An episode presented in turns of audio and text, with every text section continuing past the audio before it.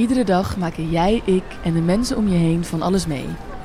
Dingen die zomaar aan ons voorbij gaan. Tot je er stil bij staat en er woorden aan geeft. Dan wordt het poëzie.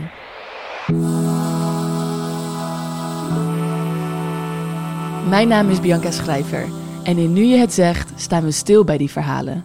Verhalen over vriendschap en verlies, verhalen vol ontroering en verrassingen.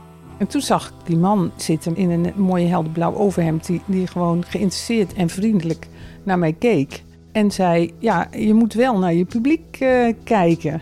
Ja, hij, hij had een kalmerende invloed op mij op dat moment.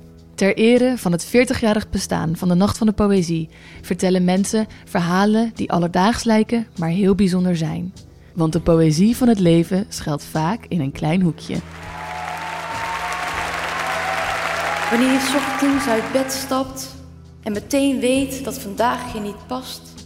Alsof er iets over je heen is gezet. Wat Raoul heeft doorgemaakt met ik voel me niet thuis in mijn eigen lichaam.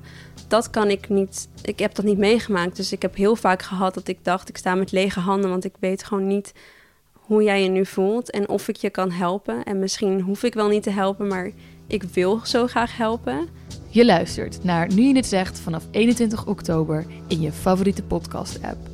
Abonneer er nu alvast op, dan mis je hem niet.